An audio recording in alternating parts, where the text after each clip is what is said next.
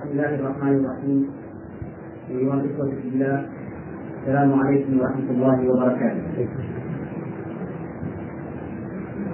في هذا العالم المادي الذي تتصارع فيه الأفكار والمذاهب ويتعرض المسلمون فيه لحملات الاحتواء والتبريد بعيدا عن مصادر فتن النصيب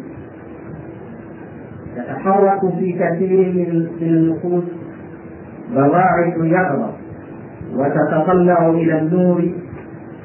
هذا النور الذي يبدد من حولها الظلام ويأخذ بيدها إلى دار الأمان. ونحن في مثل هذه اللقاءات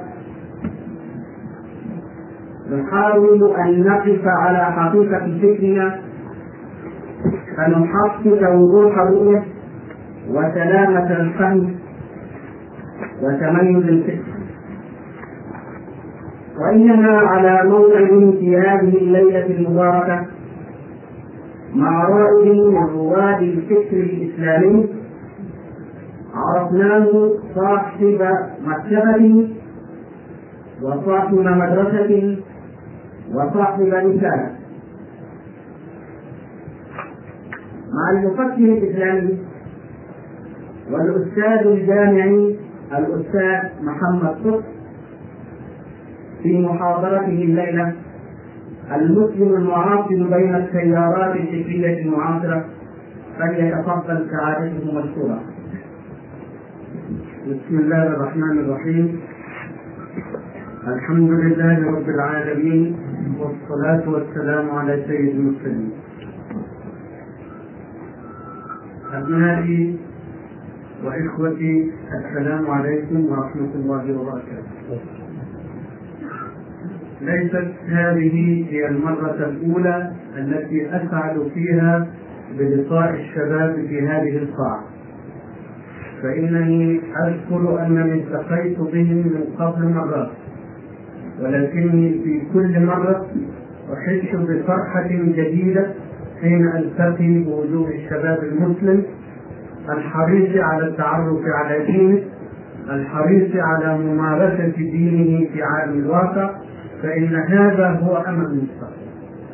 هذا هو البشير في وسط الظلمات التي تحيط بنا أحيانا وتجعل بعضنا ييأس من الغرب ولكني ما أحسست باليأس قط حتى وأنا أخوض غمار الظلمات لأنني أرى تلك الوجوه المشرقة أو تلك القلوب العامرة بالإيمان وأرى فيها هذا المستقبل الذي نرجوه للإسلام لدين الله يمكن في الأرض مرة أخرى وتعود هذه الأمة لتؤدي رسالتها من جديد.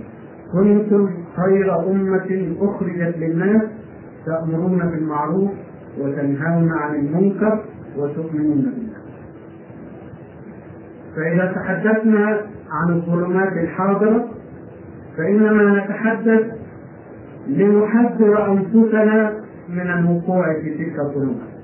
لا لنيأس من الطريق ولا لنستطعم الوصول إلى النور فإن النور بادر نراه على الأفق ونقترب منه إن شاء الله خطوة خطوة حتى يغمر العالم الإسلامي من جديد بل يغمر الدنيا كلها من جديد. حين نتحدث عن المسلم المعاصر وسط التيارات الفكرية المعاصرة فإننا نقصد المسلم العادي. لا نقصد ذلك الشاب الذي وعى دينه الوعي الحق ومارسه الممارسة الحقة وعاشه كما ينبغي أن يعاش. إنما نقصد ملايين وملايين في هذا العالم الإسلامي من المحيط إلى المحيط يحملون أسماء مسلمة ويحملون أحيانا نوايا طيبة ولكنهم غارقون في الدوام هؤلاء هم الذين نتحدث عنهم بادئ ببدء ثم نتحدث عن حركات البعث التي وجدت الطريق واستقامت عليه. حين أتحدث عن المسلم المعاصر الذي وصفته أقول مسكين هذا المسلم المعاصر لأن السيارات أو الدوامات تلفه من كل جهه ولا يكاد يعرف لنفسه طريقة إنه مسكين لا لأن السيارة صوت كان ولكن لأنه فقد ذاته فلم يعرف طريق نجاته الكيد الذي يكاد للإسلام اليوم شديد ولا شك. وربما كانت الحملة المسعورة التي يحمل بها على الإسلام. في مشارق الأرض ومغاربها أشد ما كانت في التاريخ. ربما. أما أنها جديدة فلا. إن هذا الكيد الذي يكيده أعداء الإسلام بالإسلام عمره أربعة عشر قرن. لقد ولد الكيد يوم ولدت الدولة الإسلام. وارجعوا إلى كتاب الله بين أيديكم تجدوا مصداقها تجدوا تحذير ربنا يعلمنا ويوجهنا في كتابه المنزل إلى أعداء هذا الدين يحدثهم على وجه التحديد ويحدثنا عن وسائلهم وأهدافهم وعن وعن الحذر الذي يملأ قلوبهم ويعرفنا ربنا في كتابه أن هذا الحقد لن يزول ابدا. يقول سبحانه وتعالى ولن ترضى عنك اليهود ولا النصارى حتى تتبع ملتهم ويقول ولا يزالون يقاتلونكم حتى يردوكم عن دينكم إن استطاعوا. ويقول ود كثير من أهل الكتاب لو يردونكم من بعد إيمانكم كفارا حسدا من عند أنفسهم من بعد ما تبين لهم الحق. ويقول يا أيها الذين آمنوا لا تتخذوا بطانة من دونكم لا يألونكم خبالا. ودوا ما عنتم. قد بدت البغضاء من أفواههم وما تخفي صدورهم أكبر. قد بينا لكم الآيات إن كنتم تعقلون. ويقول كتاب ربنا في كثير من المواضع إن أعداء الله هم هذه الفئات الأربع اليهود والنصارى والمنافقون والمشركون. وما من سورة من السور المدنية. والسور والسور السواد بصفة خاصة خلت من إشارة إلى أحد هؤلاء الأعداء أو إليهم جميعا. بصفة خاصة سورة البقرة سورة آل عمران سورة النساء سورة المائدة هذه السور المدنية الأربع الطوال حديث متصل فيها عن أعداء لا إله إلا الله وعن كيدهم للمؤمنين وتعريف بأهدافهم ومقاصدهم ودوافعهم وعن أن الحرب بينهم وبين المسلمين لن تكف أبدا. نعم إنها تكف في حالة واحدة اليوم يئس الذين كفروا من دينكم فلا تخشوهم واخشوني حين ييأس أعداء لا إله إلا الله من فتنة المسلمين عن دينهم هنا فقط يكفون عن الحق. يأس. أما إن كان عندهم أمل ولو مجرد أمل بسيط في أن يردوا واحدا من المسلمين عن دينه فلن تكف الحق ولا يزالون يقاتلونكم حتى يردوكم عن دينكم إن استطاعوا. يعني طالما هم متوهمون أو معتقدون أنهم يستطيعون أن يردوا المسلمين عن إسلامهم فلن يكفوا عن الحق واللحظة التي ييأسون فيها من رد المسلمين عن إيمانهم هي التي يكفون فيها عن الحق والحق أنهم لم يكفوا طيلة أربعة عشر سنة. يوم ولد الإسلام في المدينة وقامت حكومة الرسول صلى الله عليه وسلم كان اليهود والمنافقون في المدينة حلفا واحدا ويتحالفون مع المشركين أحيانا وكان النصارى من أهل الكتاب لم يدخلوا بعد في ساحة المعركة ولكن سرعان ما دخلوا وصارت الفئات الأربع اليهود والنصارى والمشركون والمنافقون يقاتلون المسلمين ويودون أن يردوهم عن دينهم ولم تكف الحرب بوسائلها كلها قد نظن أن حرب اليوم تستخدم من الوسائل ما لم يكن يستخدم من قبل الصورة تغيرت ولكن أما الوسائل بما فيها ما نسميه اليوم الغزو الفكري وقد بدأ بها أعداء الله منذ عهد باكر جدا في تاريخ ما الفرق إذا بين الحرب الأولى والحرب الأخيرة؟ هل الفارق في دوافع الحرب؟ كلا إن الدوافع واحدة. هل الفارق في الوسائل؟ نعم ولا. بعض الوسائل قد استحدث أو صور جديدة من الوسائل قد استحدثت ولكن جوهر الوسائل ما يزال كما هو محاولة تشكيك المؤمنين في الوحي المنزل عليه في رسولهم الأمين وصدقه في نقل الوحي في خلق رسول الله صلى الله عليه وسلم محاولة الوقيعة بين المسلمين بعضهم وبعض. بعد تشكيكهم في قيادتهم تشكيكهم في أنفسهم. محاولة تفريق الولاء تفريق الكلمة. محاولة إثارة بعض المؤمنين ضد بعض. الوسائل هي الوسائل. تغيرت وبقي الجوهر واحد. ما الذي تغير؟ شيء واحد لا شك أنه تغير تغيرا جوهريا جذريا. هو المسلمون انفسهم هم الذين تغيروا. موقفهم من الإسلام في التغير. ممارستهم لحقيقة الإسلام في التغير. صفاء التصور وصدق التنفيذ هو الذي تغير. ومن ثم تغيرت الصورة كلها.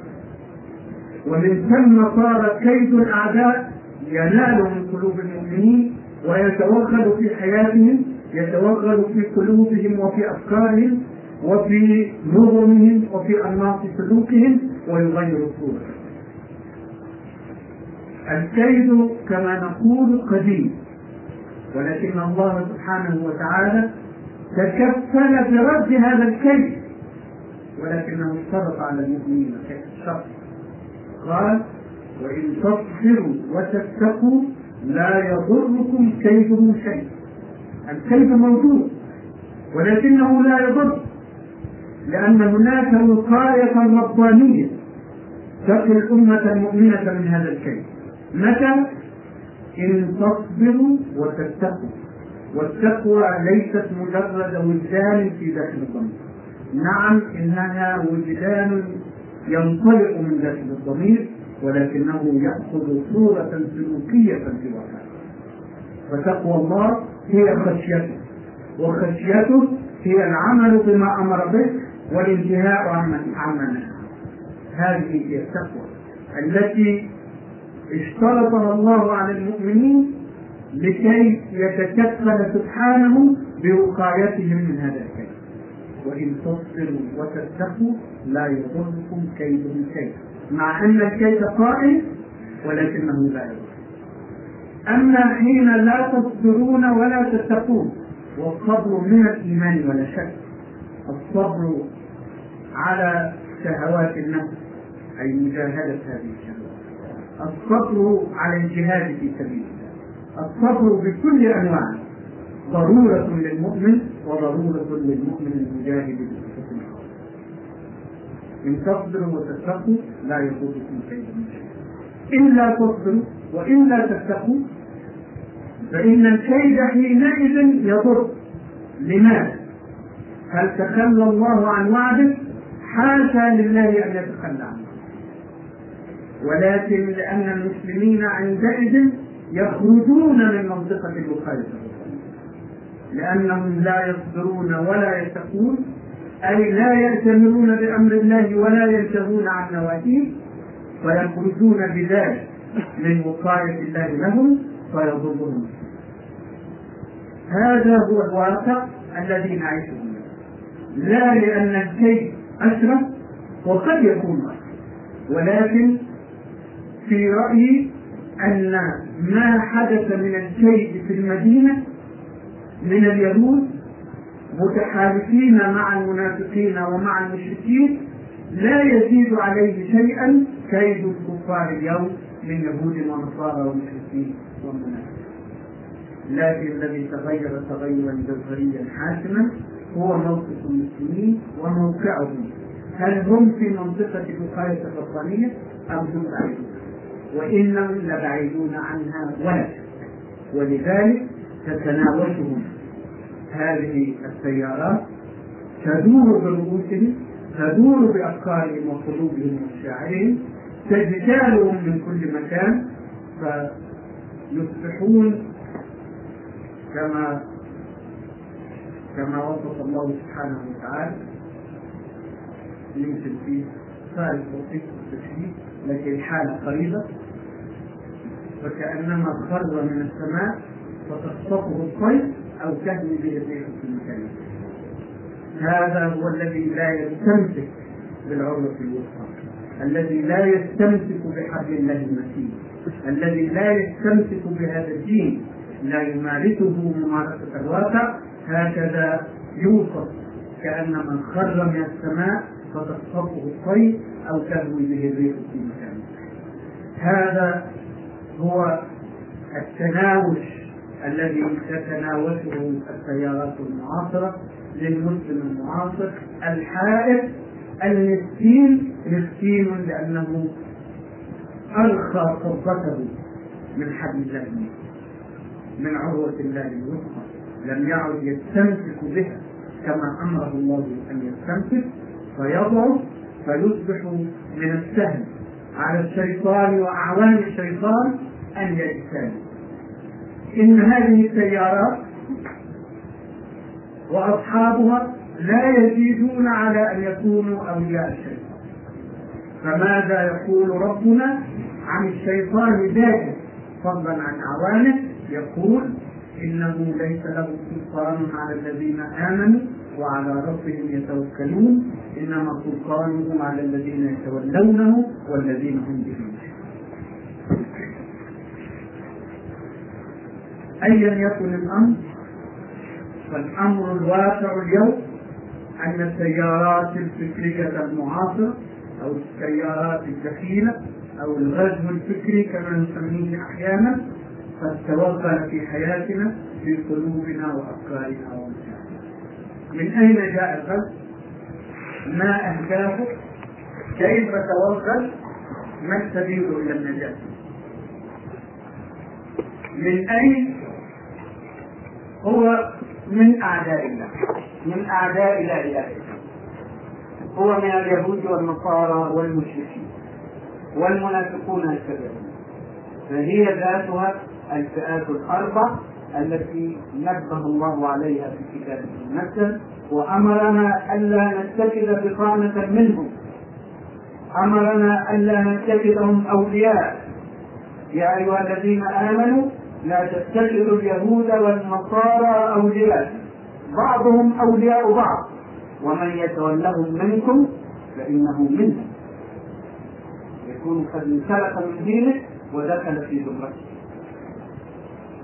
التيارات الفكرية المعاصرة أو الغزو الفكري قد أتى إلينا من اليهود والنصارى. أو قد يكون أصلا من فعل اليهود وأخذوا به النصارى في طريقهم وساقوهم معهم ليحاربوا به إن لليهودية العالمية هدفا محددا تكلمت عنه كتبهم المقدسة وغير المقدسة. وكلها كتب ذاتها لا كتابهم المقدس. له قداسة حقيقية فقد حرفوه ولا كتابهم الآخر الذي كتبوه بأيديهم وزعموا لأنفسهم أنه أكثر قداسة مما نزل الله وهو التلميذ. في كلا الكتابين يقال لليهود أنتم شعب الله المختار. ولقد كان ذات يوم شعب الله المختار حقا ولكن الله نزع عهده منهم. وأنذرهم بذلك على يد أبيهم وأبي المسلمين إبراهيم عليه السلام. حين ابتلي إبراهيم الابتلاء الضخم حين أمر بذبح ولده إسماعيل فأسلم أي استسلم لأمر الله هو وإسماعيل فلما أسلم يعني استسلم وسلموا للجميع يعني استعد لتنفيذ الأمر. قال يا أبا تفعل ما تؤمر ستجدني إن شاء الله من الصالحين. حين ابتلي إبراهيم هذا الابتلاء الضخم كافأه الله سبحانه وتعالى مكافأة ضخمة وإذ ابتلى إبراهيم ربه بكلمات فأتمهن يعني اجتاز الابتلاء أتم أتم الابتلاء. فجازاه الله كافأ قال إني جاعلك للناس إماما عندئذ ساورت قلب إبراهيم وهو بشر وإن كان نبيا ساورت قلبه الرغبة بأن يكون هذا العهد لذريته قال ومن ذريتي؟ قال لا ينال عهد الظالمين. وقد كان هذا تنبيها وإنذارا أن العهد باق في نسل إبراهيم إلا أن يظلموا فينزع منه. ولقد ظل العهد في نسل إبراهيم من إسحاق. إسحاق يعقوب اللي هو إسرائيل ثم بني إسرائيل. فلما ظلموا لما كفروا لما كروا لما صاروا يقتلون الأنبياء ويقتلون الذين يأمرون بالخلق من الناس نزع العهد. ولكن كتابه الذي بين أيديهم سواء التوراة المحرفة أو التلمود يقول لهم أنتم ما زلتم إلى هذه اللحظة شعب الله المختار وإن عليكم أن تستعبدوا الأمم كلها لنفوذكم ولمصالحكم.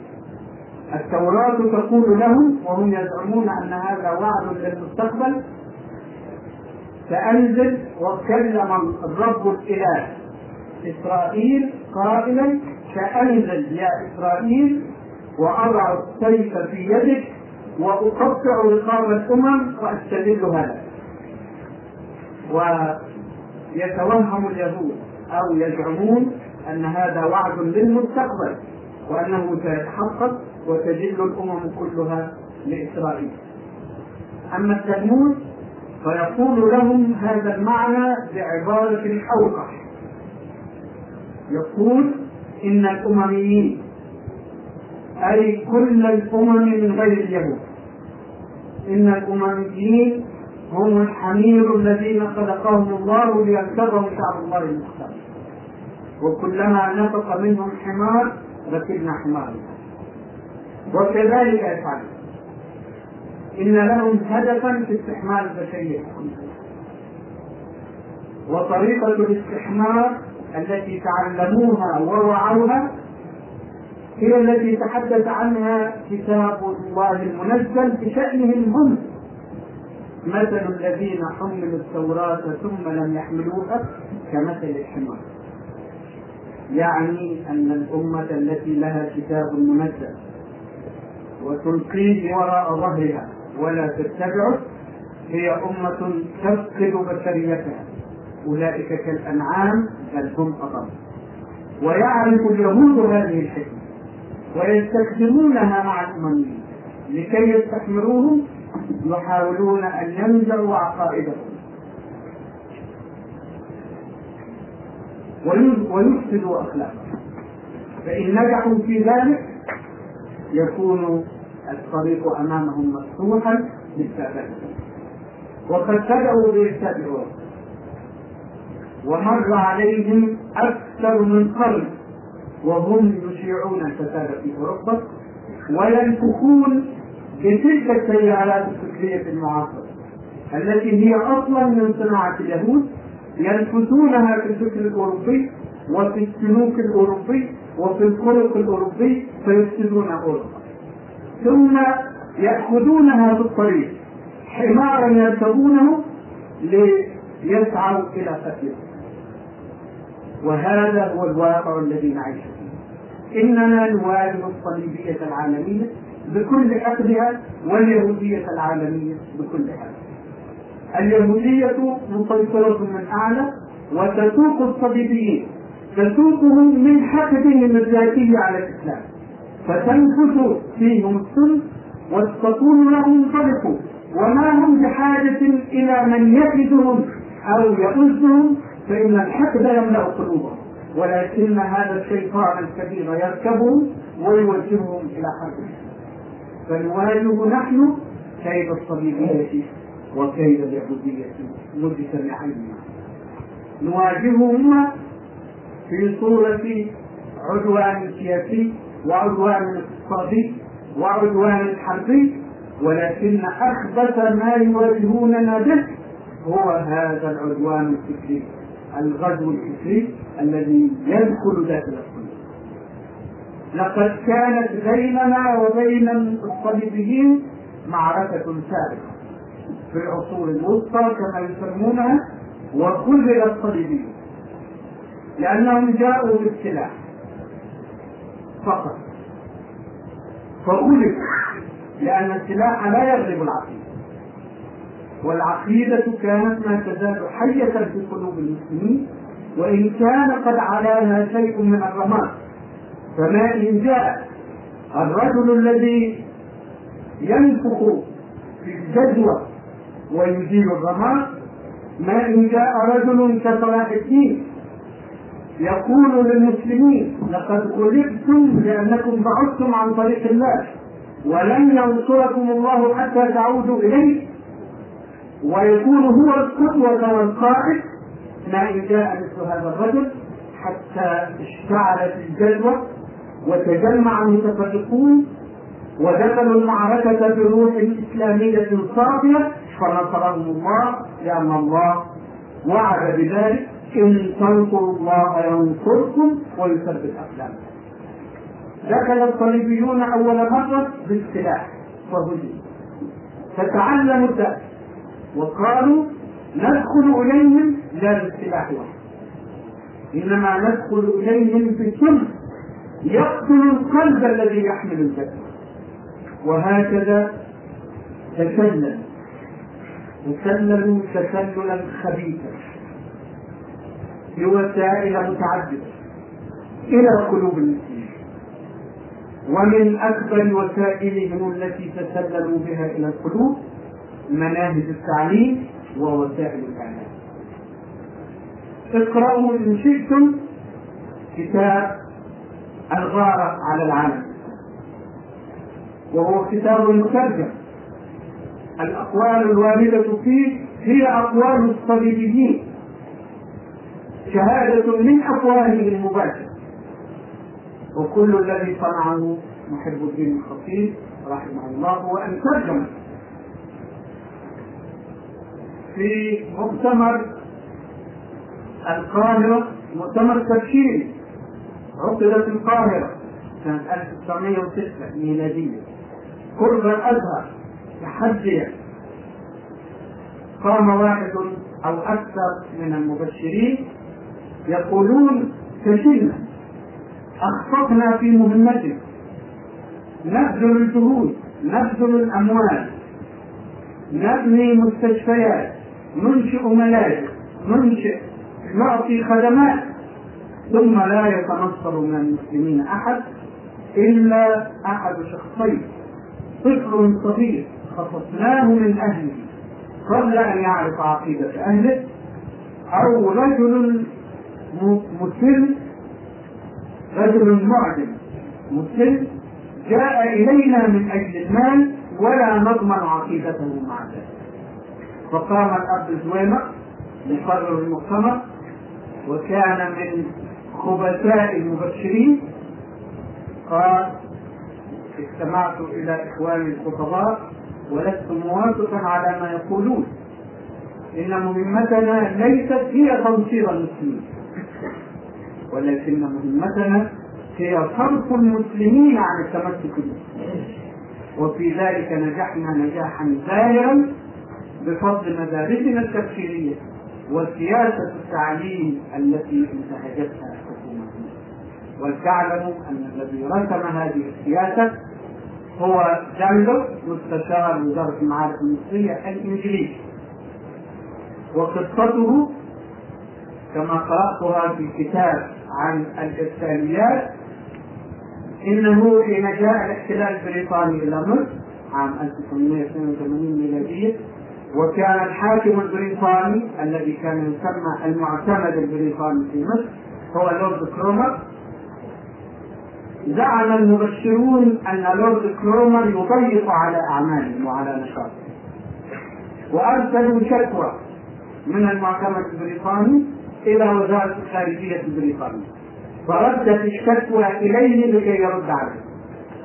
فجمع كرومر المبشرين وقال لهم هل تصدقون أني أعمل ضدكم؟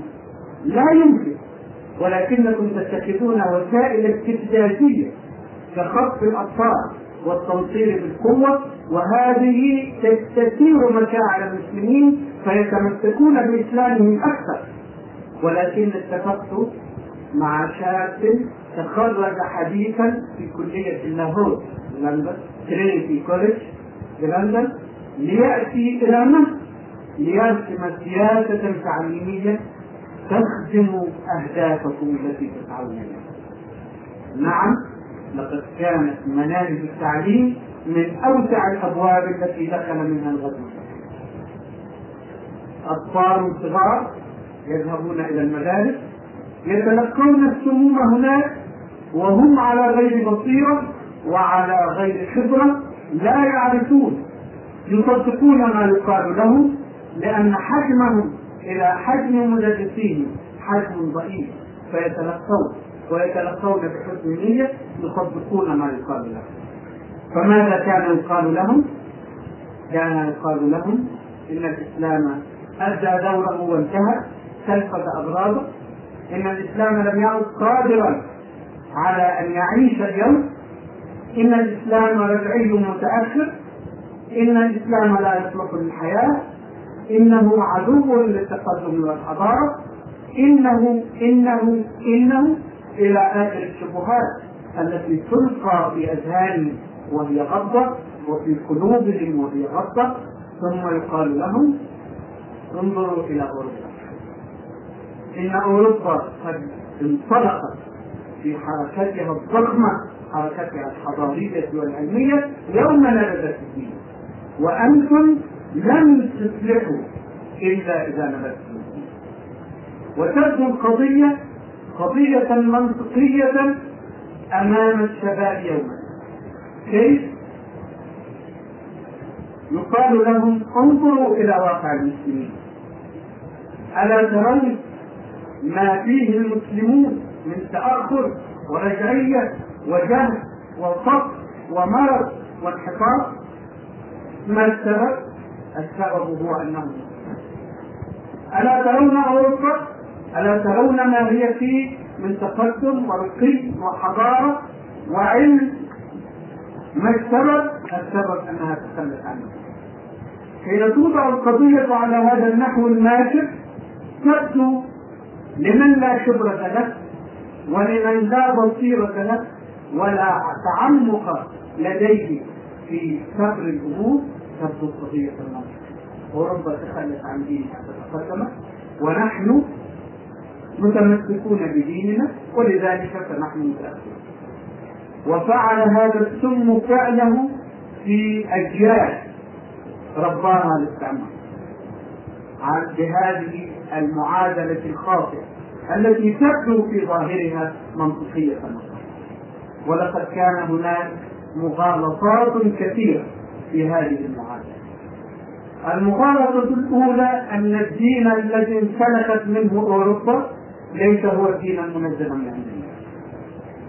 إنما كان دينا بشريا جاهليا دين من صنع الكلمة.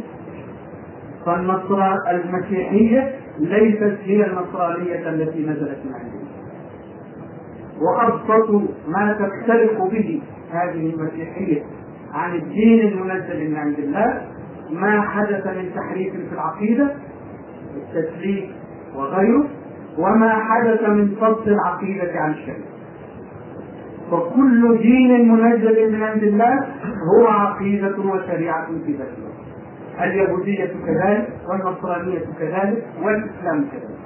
ولكن المسيحية الكنسية فضلت بين العقيدة والشريعة منذ أول لحظة يوم قالت دعما لقيصر لقيصر وما لله لله وجعلت الدين عقيدة في القلب علاقة بين العبد والرب ومحله القلب وجعلت واقع الحياة محكوما بالقانون الروماني لا يحكمه شرع الله. هذا أبسط التحريفات التي وقعت في دين الله. ولم يكن هذا الدين صالحا للحياة وقد وقع فيه هذا التحريف.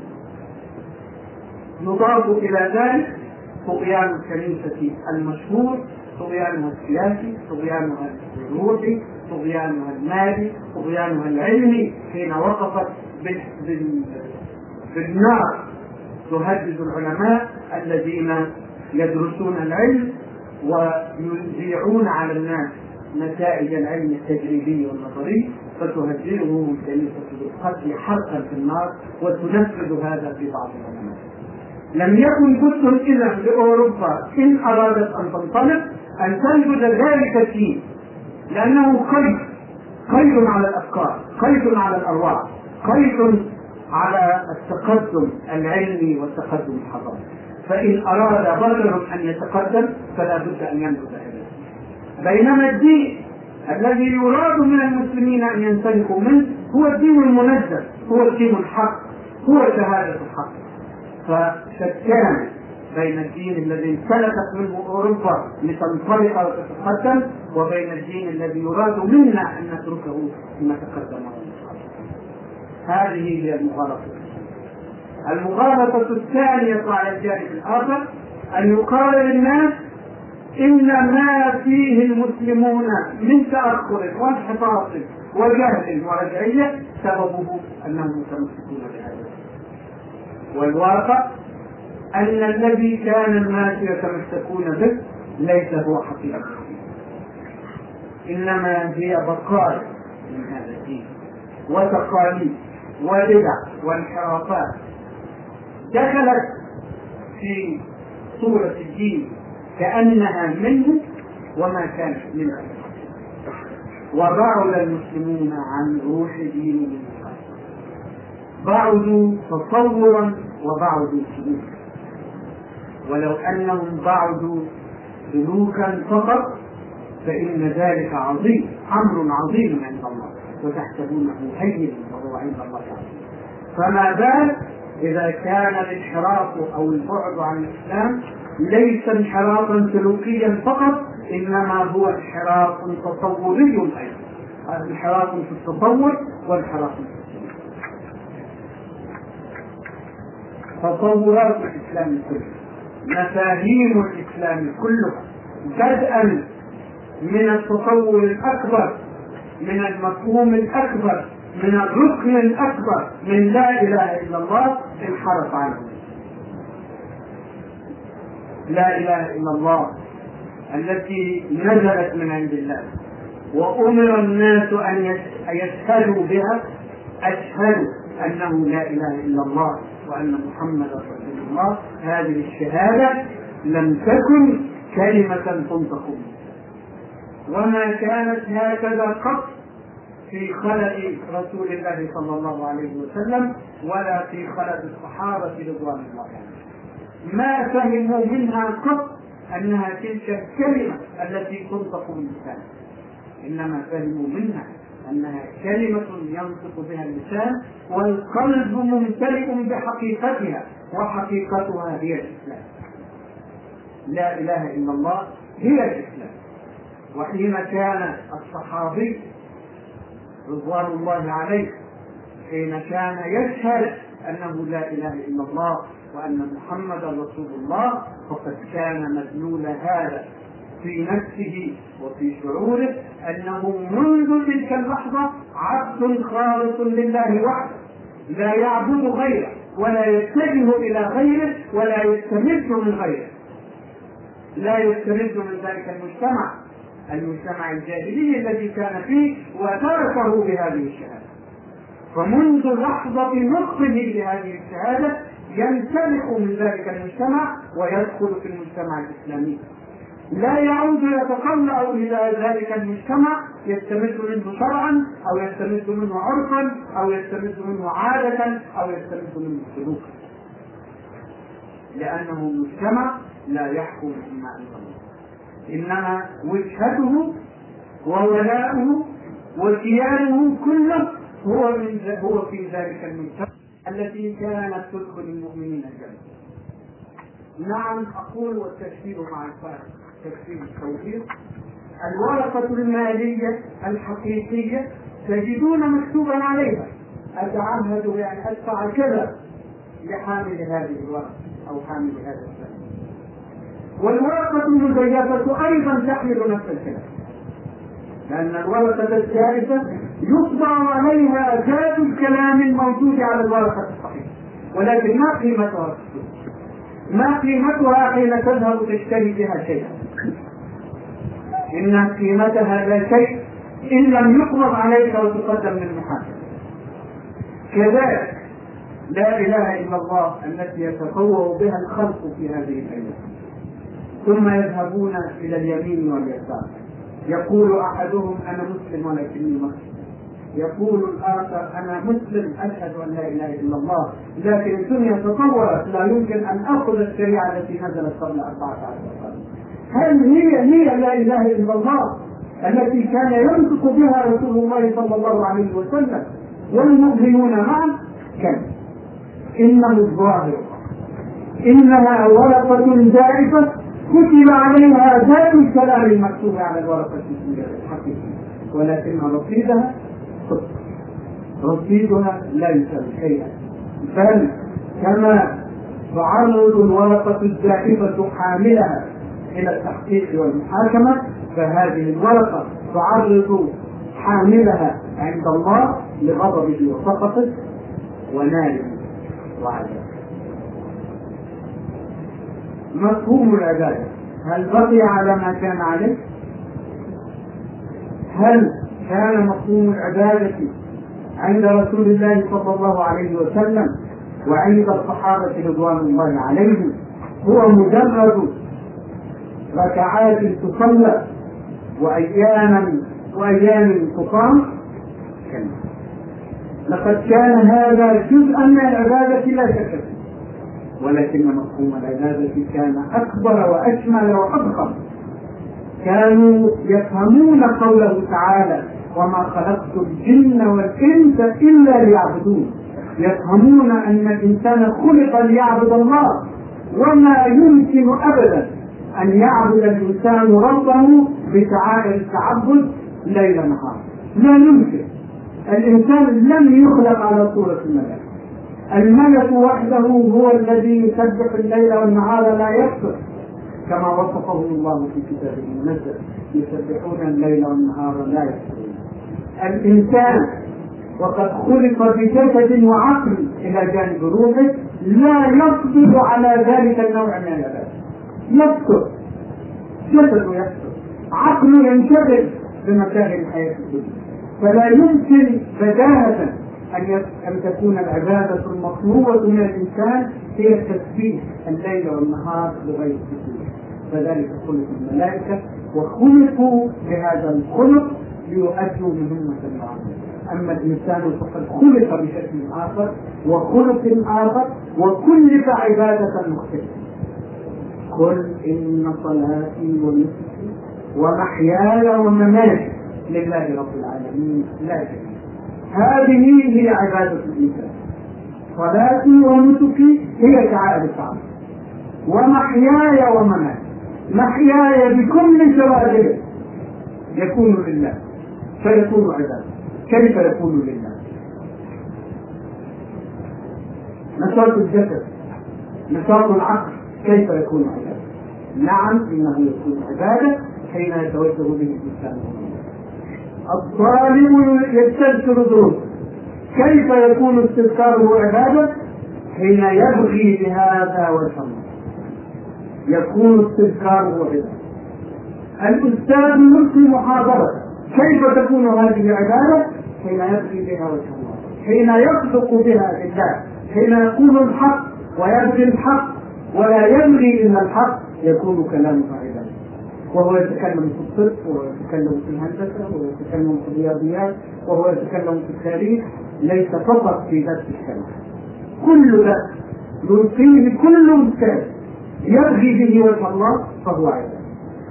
الزوج وزوجته. نعم عبادة. في لقاء الزوج بزوجه عبادة.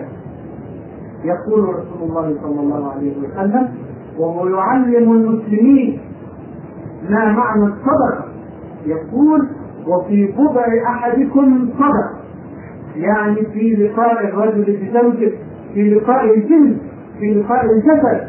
صدقه قالوا يا رسول الله إن أحدنا ليأتي زوجه شهوة منه ثم يكون له عليها أجر. قال أرأيتم لو وضعها في حرام؟ أكان عليه فيها وزر فإذ وضعها في حلال؟ فله عليها هكذا يكون نشاط الجسد ونشاط الفكر عبادة حين يتوجه به الإنسان إلى الله ويلتزم فيه بأمره. هذه هي العبادة المطلوبة. وهكذا سلم العبادة رسول الله صلى الله عليه وسلم وعلمها لأصحابه رضوان الله عليهم. كيف صار مفهوم العبادة بيننا نحن المسلمين؟ هل بقي لها هذا الشمول الذي تشمل به كل عمل الإنسان كل خاطرة تخطر في عقله كل شعور يشعر, يشعر به في قلبه كلا لقد ظلت تنحت وتنحت حتى انحصرت في شعائر التعبد.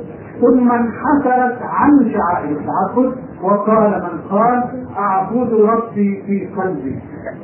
والله ليس في حاجة إلى أعمالي. هكذا صار المسلم ولا أمضي وأعدد انحرافات المسلم إنها لكثيرة في التصور وفي من أجل هذا صار الغزو الفكري وصار الكيف ينال من المسلمين إن الله علمهم قال لهم وإن تصبروا وتتقوا لا يضركم كيدهم شيئا اما حين لا يصبرون اما حين لا يتقون كما هو واقعهم المعاصر فإن الكيد يضر. ويصدق على الناس اليوم ما قاله رسول الله صلى الله عليه وسلم منذ أربعة عشر سنة وهو يرى واقع هذه الأمة بنور الوحي الرباني يوشك أن تداعى عليكم الأمم كما تداعى الأكلة إلى قطعتها. قالوا أمن قلة نحن يومئذ يا رسول الله؟ قال بل أنتم كثير ولكنكم كغثاء هذا هو واقع الأمة الذي تتناوله التيارات الشيوعية الاشتراكية الإلحاد التقدمية آه، تحرير المرأة الحرية الشخصية. سموم وسموم. تلقى في قلوب المسلمين.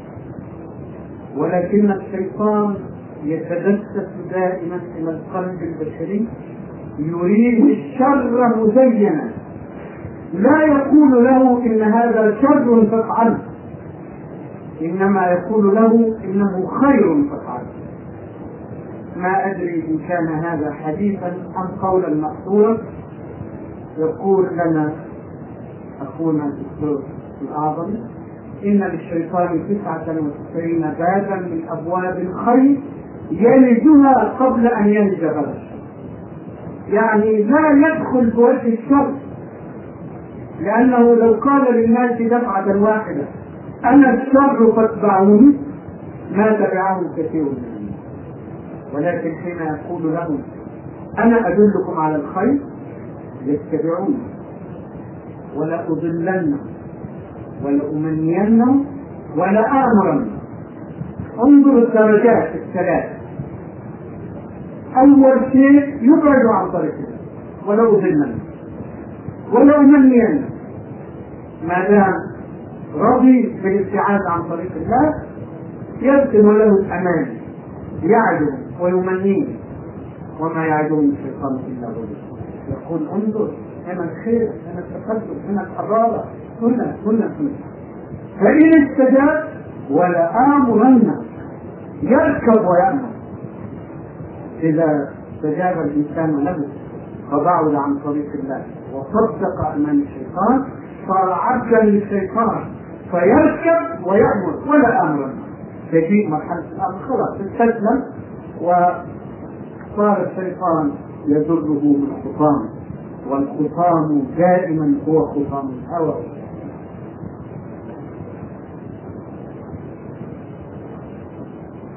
انظر إلى أي شاب من أولئك الذين يقولون الحدنا فلسفه يعني عقلنا فكر وانتهى بنا إلى ذلك. أو ذلك الذي يعترف الاشتراكية أو الشيوعية أو الفوضوية أو أي أي إية من هذا؟ انظر إلى حقيقته.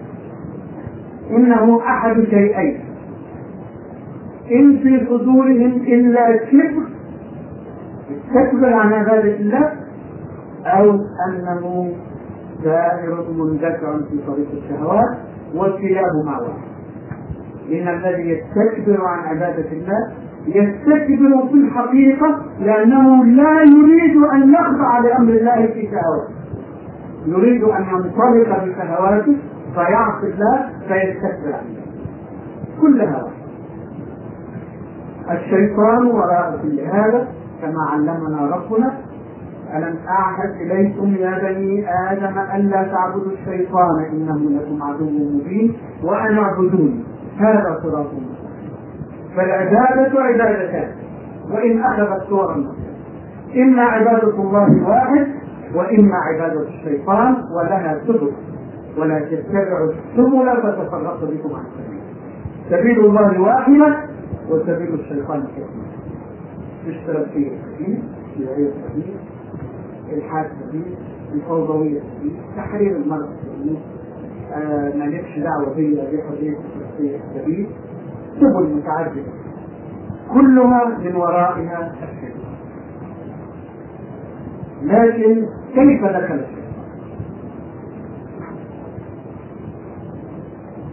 كيف تجسس إلى قلوبنا؟ هل كان له أن يتجسس وهذه القلوب عامرة بالإيمان؟ كلا فإن الله يقول إنه ليس له سلطان على الذين آمنوا وعلى ربهم يتوكلون إنما سلطانه على الذين يتولونه والذين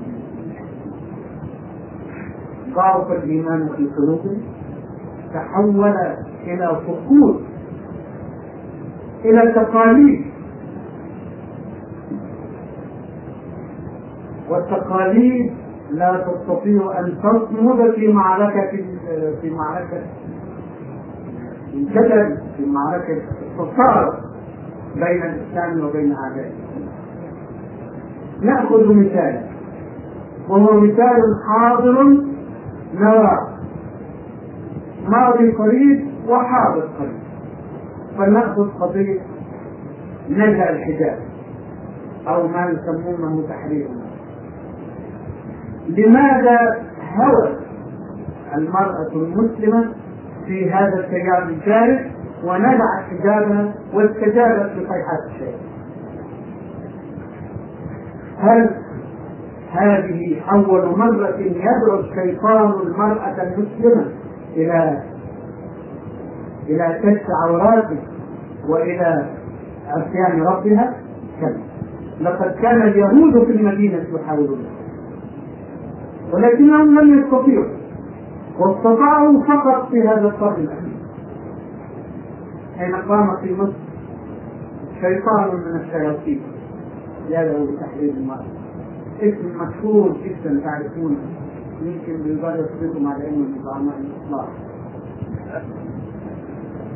خالد الامين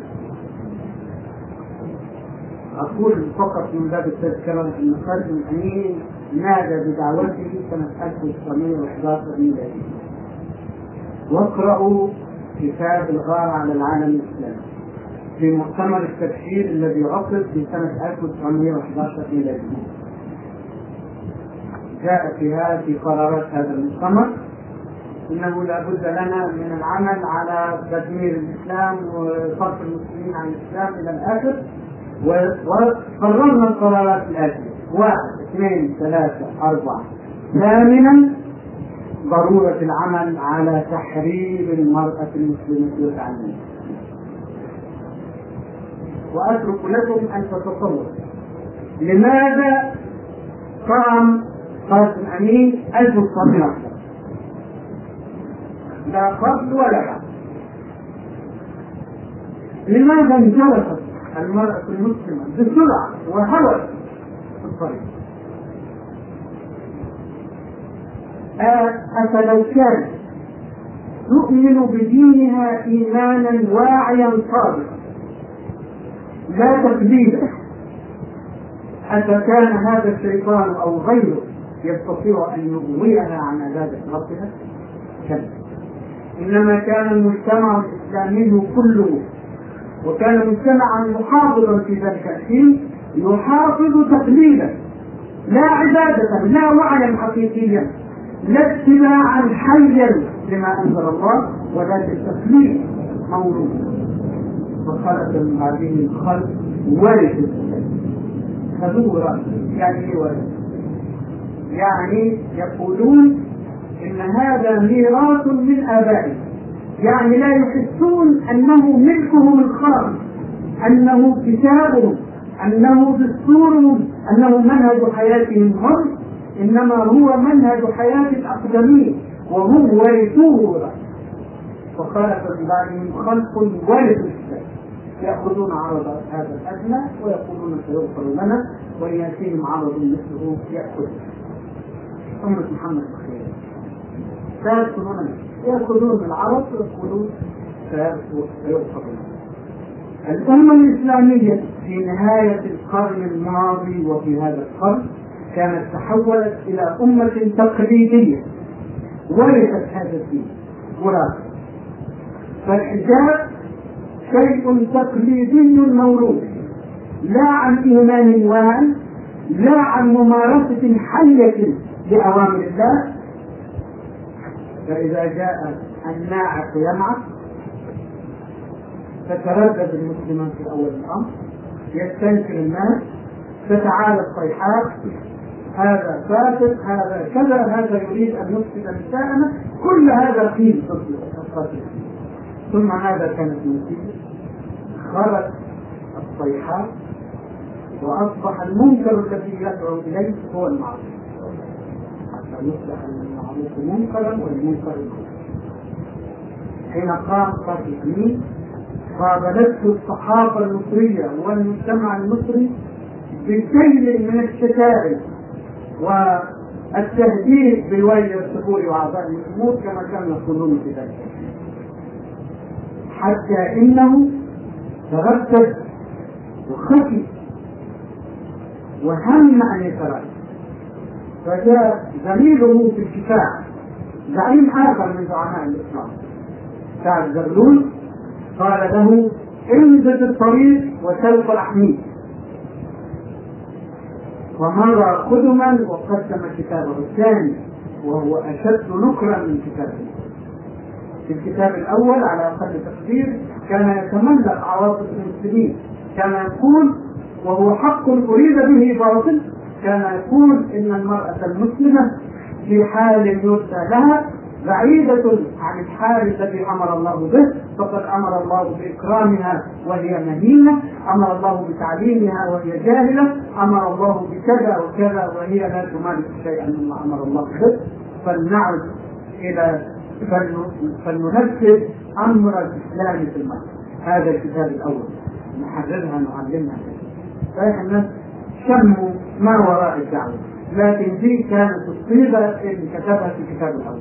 أما الكتاب الثاني بعد أن شكره أخوه في الجهاد قال إنه يجب على المرأة المسلمة أن تكافح مثل أختها الفرنسية. صارت أختها. حاجز الدين انتهت. لم تعد مسلمة وكافرة.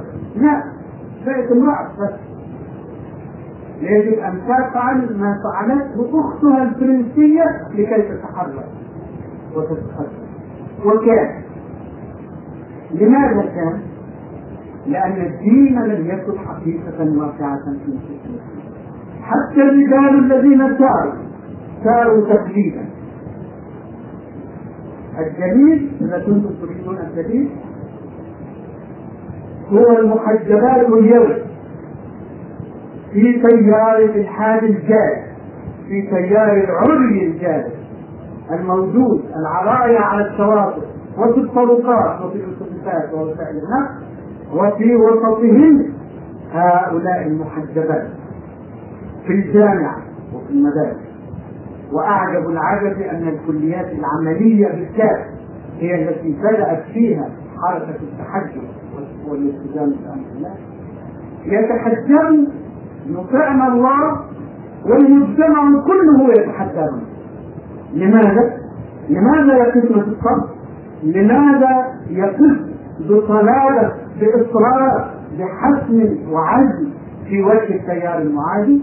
لأنهم يؤمنون لأنهن يؤمن بضعف يؤمنون إيمانا حيا ليس تقليدا للأجيال الماضية إنما هو التزام جديد حي بما أنزل الله فلا يهمهن صيحات المجتمع.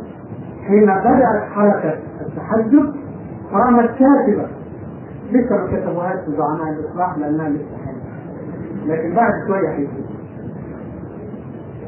أمينة السعيد كتبت في مجلتها قالت أحياء يلبسن أجسام الموتى. وقالت منددة بهؤلاء الفتيات الصابرات كيف تصنعن بأنفسكن هذا وأنتن المثقفات المتعلمات كيف تقبل أن تقتلن أنفسكن؟ بهذا الشيء الذي يشبه أجسام الموتى وأنتن أحياء وقالت غيرها وقال غيرها. ما قال فلم يجدهن إلا اصرارا لماذا؟ من كان بين فتاة اليوم المتحجبة وفتاة الأمس التي هوت في طريق قتل الفارق أن ذلك كان إسلاما تقليديا.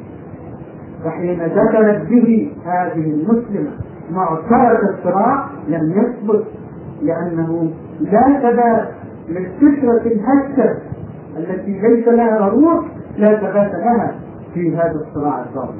أما هذه فتثبت لأنها لا تأخذ الحجاب تقليدا إنما تأخذه إيمانا بأمر ربها وتسليما لأمر ربها وعبادة لربها ورضوانا بما ينالها في الحياة الدنيا ابتغاء جزاء الله هذا هو الفارق بين الإسلام التقليد والإسلام الحقيقي الذي يريد الله. التيارات المعاصرة كما قلت تتناوش المسلمين. تجرف من ذات اليمين ولا وليسوا كلهم من سيد اليمين أعرف شبابا حسن اليمين ولكن الدوامة تدير رأسه بحيث لا يختلف لا يعرف ماذا يفعل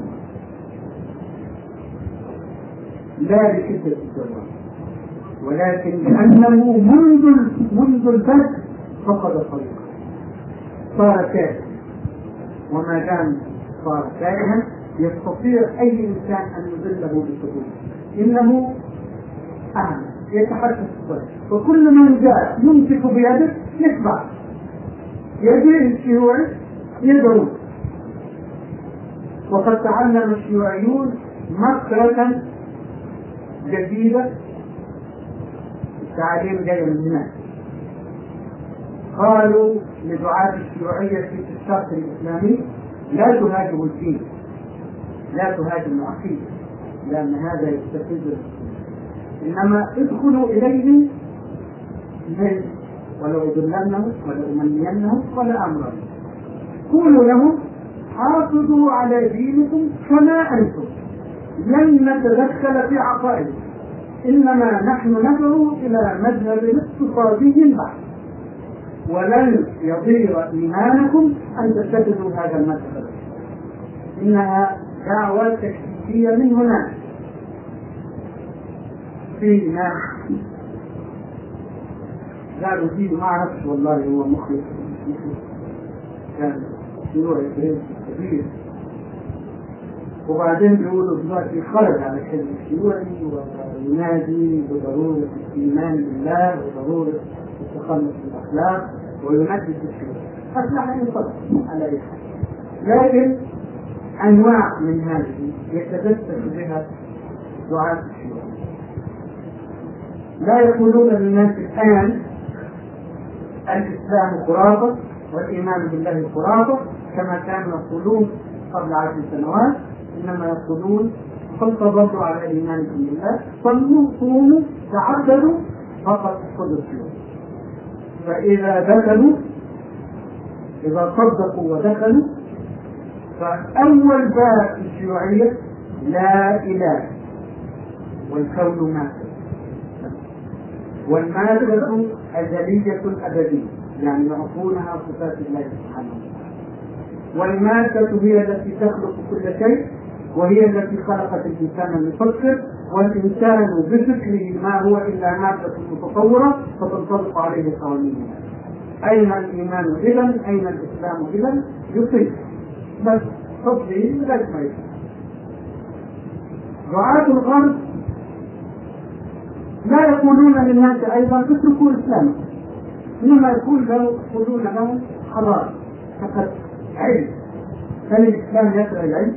الإسلام ابو العلم الإسلام ابو الحضاره انظروا إلى فتح الإسلام في ميدان الحضاره وميدان إنما تعرفون المسلمين تخلفوا. هنريد اليوم نردهم إلى الحضارة وإلى والحضارة اليوم عند اوروبا تعالوا نذهب إلى أوروبا بكلمة ويعلمون انه من صدقهم ودخل وراءهم فسيترك دينه وأرضه بعد حين وينطلق معه. وتعرفون جيدا أو لا بد أنكم تعرفون. مبتعثيكم الذين يبتعثون إلى أوروبا. وامريكا اسألوا عنهم. قليل منهم والحق يقال يعيشون بإسلامهم بإصرار ويعودون أشد تمسكا بالاسلام ولكن كم كم منهم أما البقية الباقيه اسألوا هناك أو اسألوا من ذهب السمعة السيئة هناك يعني كلما ذهبت مرة وجئت بهذا إن شباب دول البترول هو أكثر شباب في أمريكا. ما دام سمع الصيحة يقدم حضارة هي تشكيلة متبعية خلاص. شاهد الدوامة هناك طبيعة فمن لم تكن له قاعدة صلبة يقف فوقها فسرعان ما يجتاح السيارة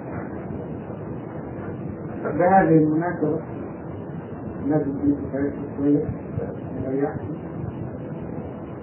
كنا في مؤتمر في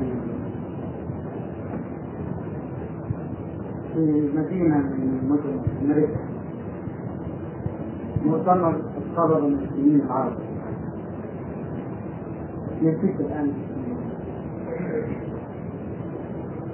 المدينة أو القرية هي في الحقيقة القرية عبارة عن فندق ضخم جدا خمس طوابق في 700 غرفة. وشوية شوارع وأشجار حولها ولا شيء غيره هي قرية سياحية وقد اختار المؤتمر هذا المكان النائي الهادئ يقيم فيه المؤتمر فاستأجر الفندق كله للمؤتمر. صاحب الفندق حين قيل له إن هذا مؤتمر شباب فرح فرحا شديدا جدا ورحب ترحيب ضغط فقال بلغته طبعا أهلا وسهلا ومرحبا ثم مضى يوم ويوم والثالث فلم يطلق الرجل الصبر ونادى المشرف على المؤتمر وقال له أنتم خلعتموني قلتم لي مؤتمر شباب فأتيت بأفخر أنواع الخمور. وكتبتها في بوفيه الفندق. ثم هذا هو اليوم الثالث ولم تقربوا البضاعة التي أتيت بها من أجلكم فقولوا لي ماذا أنت؟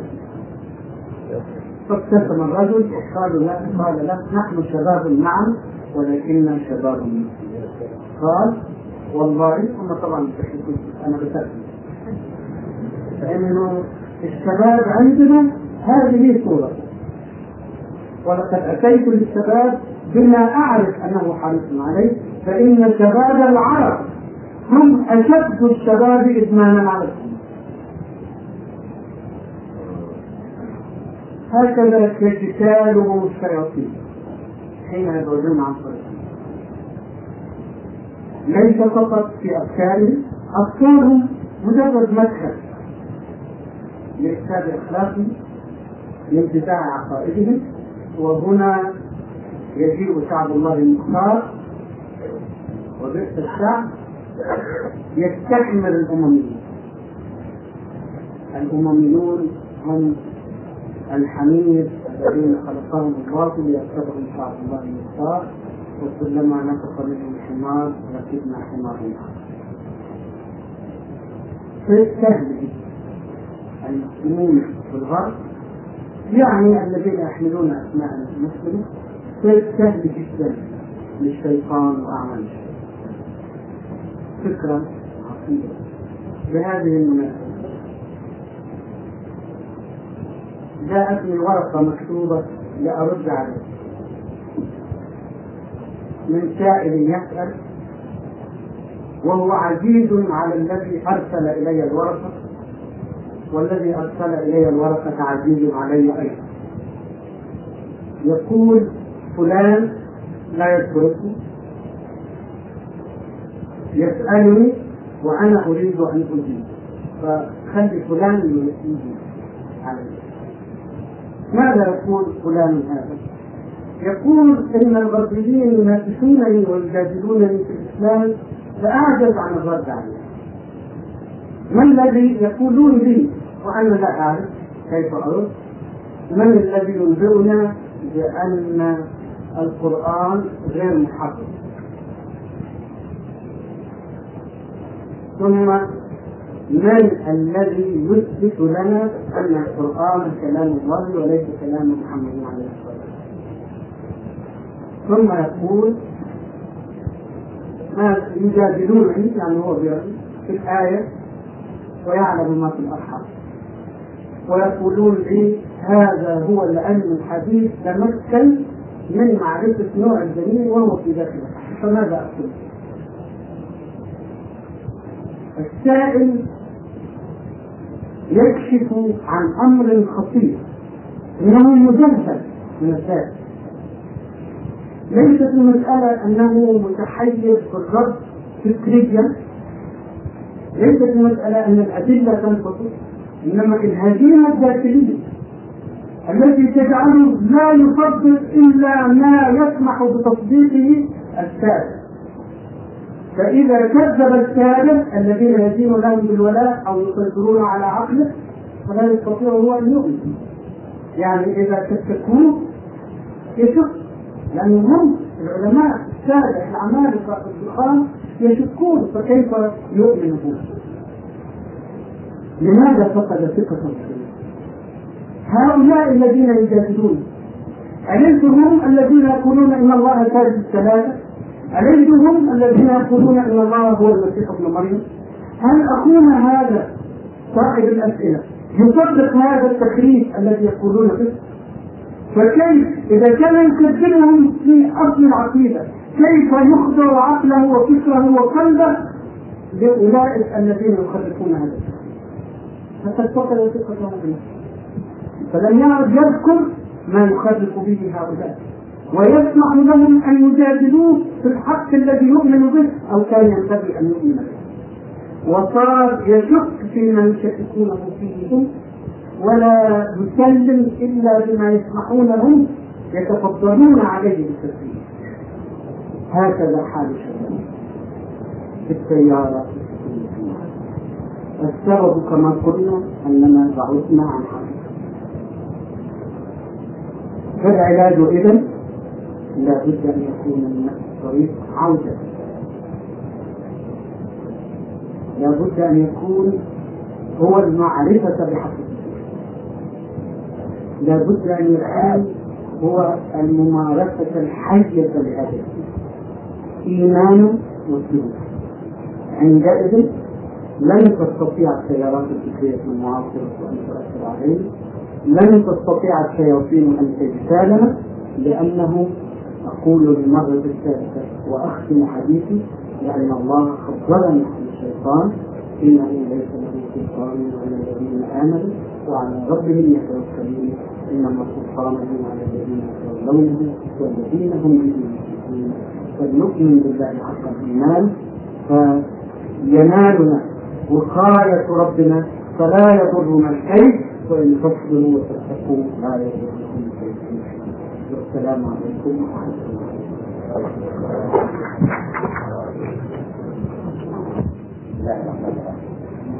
الحمد لله نحمده ونستعينه ونستغفره ونعوذ بالله من شرور انفسنا وسيئات اعمالنا وبعد نحمد الله سبحانه وتعالى الذي وفق أخانا محمد في ان يذكرنا بهذه الذكرى وذكرى خمسة المسلمين اننا دائما في حاجة لأن نستدعي بالقرآن الكريم هذا الهدي الشامل نحتاج إلى أن نهتدي به في تحليلنا لواقعنا وفي فهمنا للتاريخ البشري كله. وفي محاولتنا لأن نتلمس طريقنا إلى المستقبل. نهتدي بالقران الكريم في تحليل واقعنا الاقتصادي في فهمنا السياسي في اساليبنا التربوية وفي كل شيء يهمنا في هذه الحياة. ولقد وفق الله سبحانه وتعالى أخانا محمد صبح إلى أن يذكرنا بهذا الهدي القرآني في تقدمنا بالتيارات المعاصرة وكيفية تأثيرها على المسلمين وأسباب ذلك والوسائل التي ينبغي على المسلم أن يسلكها والمناهج التي ينبغي عليه المنهج الذي ينبغي عليه أن يتبعه في مدافعة هذه السيارات الواردة. وليس لي من تعليق إلا أنني أحب أن أكمل بعض المسائل التي طرقها من باب التبرك فقط. قال الأستاذ محمد إن إن هذه السيارات ما كانت بتؤثر علينا لو أننا كنا مسلمين حقا وتجدون مصداق هذا في القرآن الكريم. والقرآن الكريم كما أنه حدثنا كثيرا عن دسائس اليهود والنصارى والمشركين ومكرهم وخدعتهم فكذلك هو الذي قال لنا وينصرون وينصر الله والله خير الناصرين. وهو الذي قال لنا كلما اوقدوا نارا بالحق اطفاها الله. وهو الذي قال يا أيها الذين آمنوا عليكم أنفسكم لا يضركم من ضل إذا اهتديتم. وهو الذي قال إن الله يدافع عن الذين آمنوا. فإذا آه إن هذه الاساليب وهذا المكر لا يؤثر إلا حين يضعف الإيمان وإلا حين ينقص هذا الإيمان. المسألة الثانية أننا أن الضلال ليس من شرطه أن يأتي من اليهود والنصارى والمشركين. ان الضلال يأتي من ذات النفس حين تضل هذه النفس عن مثل الله سبحانه وتعالى. فحتى لو لم يكن هنالك شيوعيون ولا كان هنالك مشركون ولا كان هنالك نصارى أو يهود حتى لو لم يكن أحد هؤلاء الأعداء موجودا وانحرفنا نحن عن ديننا وضعف إيماننا لظهرت فينا هذه الشرور لأن هذه الشرور هي نتيجة حالات نفسية جاهلية لقد قال الرسول صلى الله عليه وسلم لصحابي جليل حين أتى بعض الأعمال غير صحيحة إنك امرؤ فيك جاهلية. فهذا العمل الخبيث إن لم يأتي لم ينظر ولم يدركه إيمان صحيح وإنما أتى من جاهلية كاملة في الإنسان. فكذلك كلما أخذت هذه الجاهلية مساحة أكبر في صدر الإنسان كلما كانت تصوراته وكان سلوكه جاهليا سواء حدثه بهذه الجاهلية أحد أو لم يحدثه. إذا حدثه الآخرون الجاهليون الآخرون فإنه يجد لكلامهم وضعا في نفسه. لأنه يجد في نفسه استعدادا لمثل هذا الكلام وأنتم تقرؤون في القرآن الكريم أنه ما من رسول أتى إلى قومه إلا قال المترفون له إنا بما أرسلتم به كافرون. فالشرف هو الذي يقول إلى هذا الكفر وتقرؤون في القرآن الكريم. وفي موسى إذ أرسلناه إلى فرعون بسلطان مبين. فتولى برسله وقال ساحر أو مجنون. كذلك ربنا سبحانه وتعالى يعلق على هذا. ما أتى الذين من قبلهم من رسول إلا قالوا ساحر أو مجنون. أتواصوا به؟ هل اجتمعوا كلهم وقالوا كلما يأتينا رسول نقول ساحر أو مجنون؟ لا. بل هم قوم طاغوت. فالصبيان حالة نفسية. ينشأ عنها تصور معين يعبر والكلمات إنما هي تعبير عن هذا التصور وفي آية أخرى قال المشركون كلاما وقال الله سبحانه وتعالى كذلك قال الذين من قبلهم مثل قوله. لماذا؟ تشابهت قلوبهم فإذا ينبغي أنا مع الأستاذ هنا إلى أن نوجه همنا الأساسي إلى إصلاح حالنا نحن. لأننا إذا أصلحنا حالنا فإن الله سبحانه وتعالى سيوفقنا إلى كل الأساليب المناسبة لرد هذا العدوان الحالي وينبغي ألا نظن أن كل ما فينا من أمراض وكل ما فينا من عيوب إنما هو بتخطيط الأعداء ومكرهم إن هذا قد قد يسلمنا إلى نوع من الخمول لأننا نظن أننا أصحاء وأننا طيبون وأننا مسلمون صحيحون ولكن كل الأمراض وكل الإشكال وصل إلينا من الخارج. وهذا تحليل غير صحيح وهو تحليل لا يتناسب مع ما يهدينا إليه القرآن الكريم. المسألة الثالثة أن سؤال الأخ الذي ذكر فيه هذه المسائل التي استرسلها ذكرتني في كلام كثيرا ما أقوله آه وهو أن هنالك نوعا من العلم الديني قد درك مع الأسف. ونحن في أشد الحاجة إليه الآن. في أشد الحاجة إليه للإجابة على مثل هذه الأسئلة.